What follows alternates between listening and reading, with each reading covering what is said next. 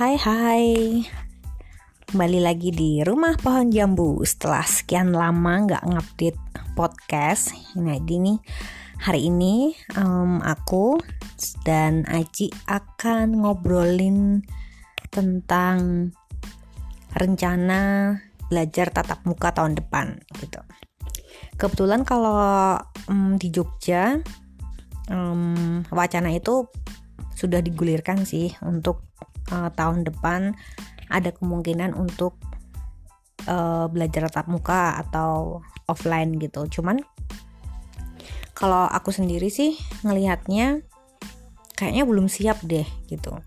Apalagi kalau uh, kebetulan anakku Rahel ini kan udah SMP dan apa ya um, kemarin sempat ada kayak survei gitu dari sekolah Hmm, apakah orang tua bersedia untuk anaknya masuk sekolah atau enggak gitu. Jadi jawabannya ada yang uh, pilihan jawabannya tuh bersedia, ragu-ragu dan enggak gitu. Kalau aku sih masih jawab enggak gitu alasannya karena perkembangan kasus Covid di Jogja itu kian hari kian bertambah gitu. Bahkan uh, kayak misalnya di Sleman itu hampir di semua kecamatannya itu masuk zona merah gitu. Kebetulan anakku sekolah di Jogja. Nah, Jogja sendiri juga penambahan kasusnya juga cukup tinggi. Kayak misalnya uh, dua dua atau tiga hari yang lalu itu um, penambahan kasus COVID tertinggi sekitar 244 uh, di DIY, jadi seluruh Yogyakarta gitu apalagi sekarang mulai muncul klaster-klaster keluarga kan jadi aku kayak ragu-ragu kalau untuk memutuskan anakku apakah hmm, sekolah offline atau masih tetap online gitu. Hmm, apalagi kalau aku ya kebetulan aku emang lebih seneng sekolah online karena hmm, dari segi waktu kayaknya itu lebih lebih fleksibel deh buat anakku karena hmm, jadi uh, anakku kan dulu SD-nya itu di PKBM Sanggar Anak Alam kan. Jadi uh, dia tidak terbebani oleh mata mata pelajaran yang cukup banyak. Nah pas dia masuk SMP di SMP 2 itu emang banyak banget uh, mata pelajarannya. Jadi dia kayak dari pagi sampai sore tuh uh, full uh, di rumah kayak dia nggak bisa ngapa-ngapain lagi karena saking capeknya gitu. Jadi dengan online ini ya dia punya banyak waktu untuk uh, melakukan kegiatan lain di rumah gitu. Kayak misalnya uh, dia kan hobi masak jadi dia bisa masak-masak. Kemudian uh, dia ikut basket juga di luar misalnya kayak gitu. Jadi aku lebih sebenarnya aku lebih senang di lebih seneng model kelas online sih gitu karena waktunya juga lebih dikit gitu. Nah kebetulan si Aji ini kan dia juga sebagai fasilitator di SMA eksperimental Sanggar Anak Alam juga. Nah kalau kita tanya dia ya pendapatnya dia apakah sudah siap untuk sekolah tatap muka atau masih harus online nih demi keamanan atau kesehatan uh, anak didiknya gitu ya. Coba kita tanya ya. Hey, hey, hey, hey, hey. Menurutmu gimana? Soal tatap muka ya. Ya kalau aku sih eh uh, kalaupun misal misal apa namanya ini kasusnya covid ini nggak meningkat aku tetap setuju kita tetap online. Jadi uh, saya tetap nggak akan saya nggak akan setuju offline kalau emang bener-bener covid ini nggak tertangani dengan baik gitu loh. Uh, artinya ya nggak tertangani dengan baik artinya ya kita lihat statistik itu masih kita lihat statistik itu kan kalau udah menurun atau enggak stabil di angka rendah gitu tuh enggak naik terus itu tuh berarti kan udah stabil gitu. Jadinya kita bisa percaya bahwa covid ini bisa tertangani oleh pemerintah. Tapi kan selama ini kan nggak tertangani sama sekali kan? Nggak tahu.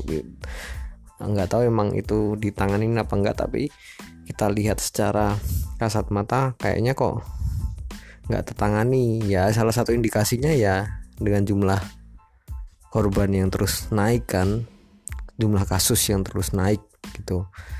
Dan tambah hari bukannya tambah membaik malah tambah parah. Sementara di beberapa negara banyak yang udah bisa hore-hore bisa terbebas dari covid tapi kita masih bahkan masih belum mencapai puncaknya gitu.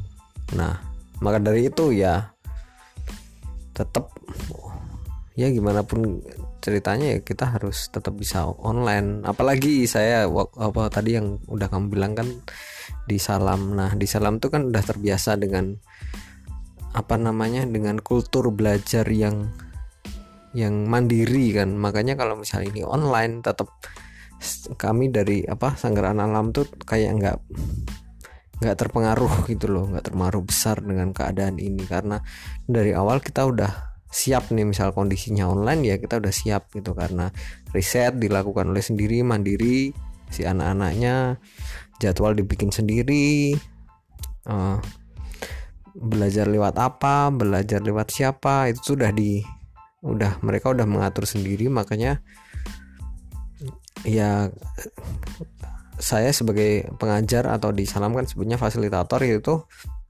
tinggal mengarahkan tinggal mengecek tinggal me mengingat-ingatkan mungkin kalau jadwalnya itu tetap bisa on the track. Nah jadinya di salam sendiri sih nggak terlalu terpengaruh dengan online atau offline. Nah itu. Jadi intinya sih saya tetap setuju setuju, setuju aja dengan online kalau dan masih belum setuju dengan offline. Itu. Oke, jadi kalau aku sih sebetulnya juga gini, um, dengan online itu emang emang ya istilahnya lebih aman ya dari segi kesehatan gitu. Cuman sebetulnya aku juga kasihan juga sih sama uh, anak kita gitu karena dia kan jadi interaksi dengan teman-temannya kan jadi berkurang. Jadi kayak uh, interaksi harus dengan handphone, hand uh, WhatsApp uh, eh, DM Instagram medsos gitu jadi kayak kayak dia tuh kayak kehilangan apa ya? Ya momen. ya kehilangan momen ya. Maksudnya masa-masa SMP itu kan masa-masa yang yang mulai kita tuh mengenal teman-teman kita lebih lebih apa ya lebih luas lagi gitu kan. Jadi hmm, kelemahannya sih emang nggak ada interaksi sosialnya gitu. Apalagi kayak misalnya dia uh, basket gitu kan uh, basket kan juga dibatasi. Dulu aja uh, waktu sebelum covid seminggu bisa empat kali kan. Sekarang cuman seminggu sekali gitu. Jadi uh, kekurangannya ya itu tadi interaksi sosialnya jadi kurang gitu. Dan mungkin dia jadi kayak kebanyakan rebahan di rumah. Karena kan ya ya emang nggak ada kegiatan-kegiatan lain di luar kan gitu. Nah cuman aku tuh penasaran sih kalau misalnya ini kan uh, kalau Rahel kan maksudnya kalau kita kan uh, menghadapi anak SMP nih yang dia udah bisa ngelakuin sendiri lah ya. Istilahnya kalau belajar juga belajar sendiri. Um, kemudian kalau kamu kan juga ngajar ngajarnya anak SMA kan. Kalau anak SMA kan ya ya dia bisa sendiri lah ya udah gede gitu. Cuman aku penasaran gimana sih kalau misalnya anak an maksudnya uh, orang tua yang punya anak-anak kayak misalnya TK atau SD gitu itu kan agak susah kan maksudnya uh, untuk untuk mereka interaksi untuk mereka tuh menyerap uh, informasi kayak gitu kan jadi lebih terbatas kalau menurutku loh kalau dari kamu sendiri uh, dari pengalaman-pengalaman uh, teman-teman orang tua uh, yang kamu kenal gimana tuh? Ya sebenarnya kalau misal masalah sosialisasi ini sama aja ya mau uh, kita sebut aja kelas kecil gitu lah. Kelas kecil sama kelas gede ini sebenarnya sama. Mereka tetap butuh butuh apa namanya butuh sosialisasi butuh kumpul dengan teman-teman. Nah kalau di di salam sendiri itu tuh misal kayak anak-anak kecil gitu tuh mereka dibagi di beberapa kelompok. Misal satu kelas isinya misal 20 terus di sekitar situ di sekitar rumah dia gitu di misal di di radius satu kilo gitu tuh ada ada berapa anak misal ada berapa tiga atau empat anak. Nah itu mereka dikumpulkan. Nah mereka akan belajar terbatas dengan jumlah yang terbatas itu dengan frekuensi mungkin seminggu dua kali atau seminggu tiga kali gitu. Nah jadi terbatas jadi dibagi di beberapa kelompok itu. Jadi untuk me, apa ya untuk menceg, untuk membatasi untuk mencegah mereka itu uh, ibaratnya untuk meminimalisir kontak dengan orang yang tidak terbiasa ketemu dengan mereka gitu. Jadi kalau misal mereka terbiasa ya ketemunya itu itu aja kan paling enggak kan tetap uh, social distancingnya atau physical distancingnya itu masih ada kan. Sebenarnya kalau misal ya itu tuh bisa digunakan di di ruang lingkup yang lebih besar loh.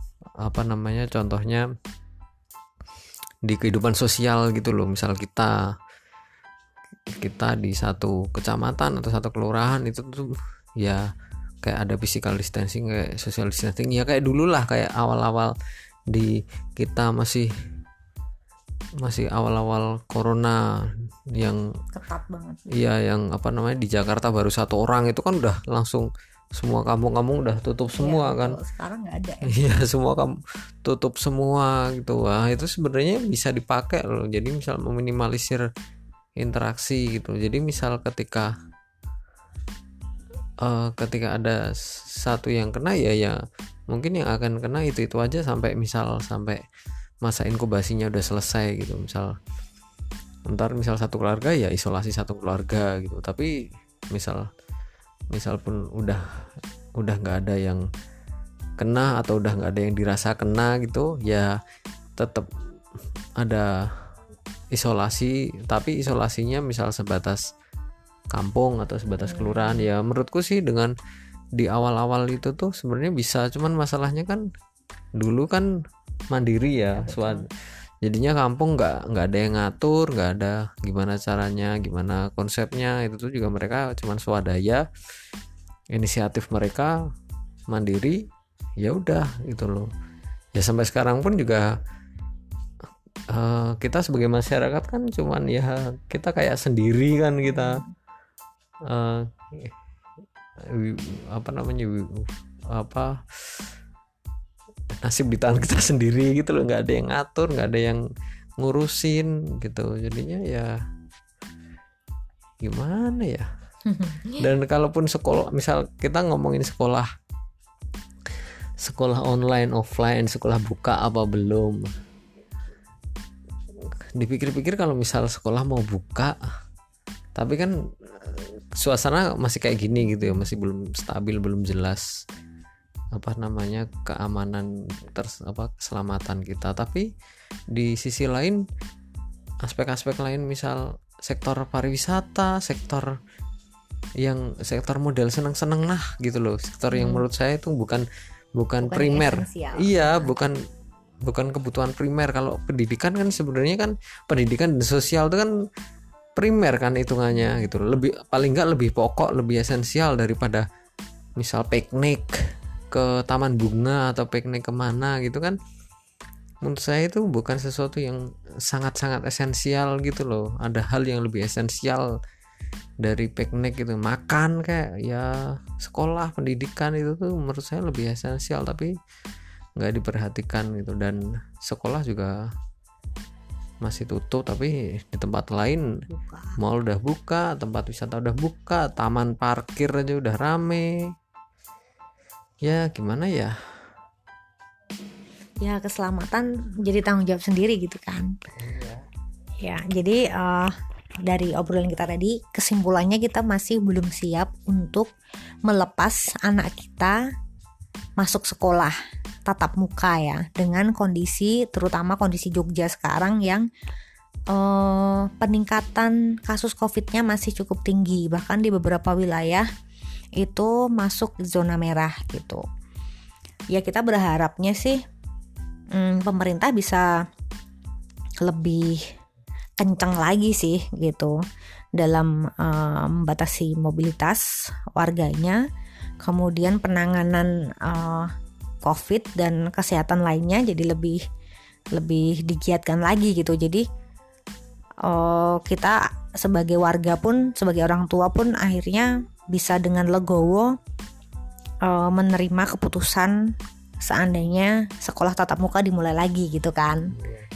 Oke, jadi itulah pandangan kita, pandangan kami sebagai orang tua yang punya anak usia SMP um, menyikapi rencana pemerintah uh, khususnya di Yogyakarta yang akan membuka tatap kelas tatap muka di tahun 2021 atau tahun ajaran baru uh, tahun depan gitu. Jadi intinya kita masih belum siap, belum berani melepas anak kita untuk sekolah dan belum setuju. Betul kita belum setuju uh, untuk diadakan um, belajar tatap muka di sekolah. Oke okay, mungkin itu ya obrolan kita.